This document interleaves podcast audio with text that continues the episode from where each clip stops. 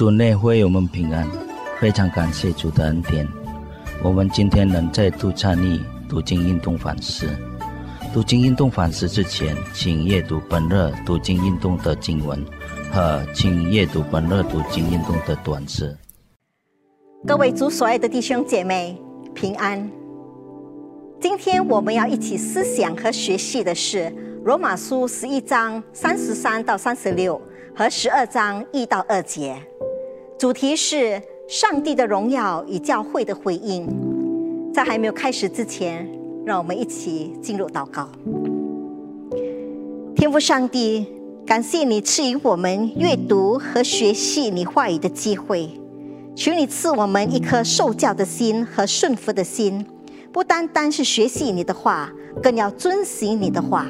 感谢主，奉耶稣基督的圣名祷告，阿门。罗马书十一章三十三到三十六节这样子说：圣哉，上帝丰富的智慧和知识，他的判断何其难测，他的脚踪何其难寻。谁知道主的心？谁做过他的谋士呢？谁是先给了他？使他后来偿还呢？因为万有都是本于他，依靠他，归于他，愿荣耀归给他，直到永远。阿门。各位弟兄姐妹，刚才我们所阅读的这段经文是一首赞美诗，是赞美上帝的智慧和计划。上帝的方法和途径超过我们所能理解的。他以全备的智慧、公义和慈爱来掌管宇宙和我们的生命。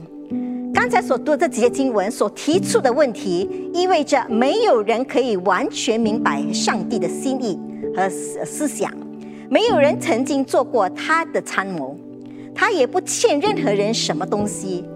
唯有上帝有绝对的全能和智慧，他是伟大的上帝，他的创造何其伟大奇妙！完全反映出上帝的丰富和荣耀。我们每一个人都要完完全全的依靠上帝，他是万物的源头，也是供应及维持世界的力量。他所造的万物都要为他带来荣耀，他是配得我们颂赞的。我们的生命应该是心甘情愿的，为着上帝的荣耀而活。我们被召和呼召，乃是要对全世界。宣扬上帝的荣美和伟大，使荣耀归于上帝。而刚才我们所读的罗马书十二章第一到第二节这样子说：所以弟兄们，我以上帝的慈悲劝你们，将身体献上，当作活祭，是圣洁的，是上帝所喜悦的。你们如此侍奉，乃是理所当然的。不要效法这个世界，只要心意更新而变化。叫你们察验何为上帝的善良、纯全、可喜悦的旨意。那第一节所说的“将身体献上，当作活祭”，这是一句大家都很熟悉的经文。但我们是否熟悉其中的意思呢？且常常的行出来。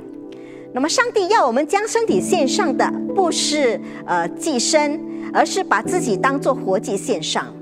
这意味着我们每天都要撇下我们个人的私欲来跟随他，把所有的力量和资源都奉献给他，信靠他的引领。上帝对他的儿女有一个最完善、最美好的计划，他希望我们成为新人，心力更新，并且荣耀他、顺服他。他已将爱子耶稣基督，呃，赐给我们，使我们可以得着新生命。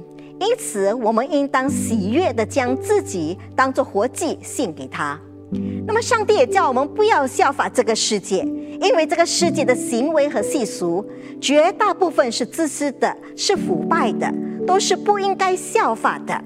我们拒绝和世界妥协，却不单单是局限在行为和习俗上，更重要的是在思想上。因为一个人脱离世俗的行为的人，仍然是一个呃自私的人、贪婪、骄傲、顽固和狂妄的人。唯有我们的思想被圣灵更新了、改造了和重新建立了之后，才得着真正的更新，才能越来越像基督。让我们要好好的检讨自己。诗人在诗篇第八篇第四节这样子说：“人算什么？世人算什么？”我们是否有同感呢？我们是否每天都过着荣耀上帝的生活呢？让我们一起进入祷告。我们在天上的父，我们的主啊，你的名在全地何其美！你将你的荣耀彰显于天，我们人算什么呢？你竟然顾念和眷顾我们。但愿我们都愿意将自己当作活祭献上，被主使用。每天都愿意撇下个人的私欲来跟随主。求圣灵更新我们、改造我们和建立我们的思想，使我们得着真正的更新，荣耀上帝。感谢主，奉耶稣基督圣名祷告，阿门。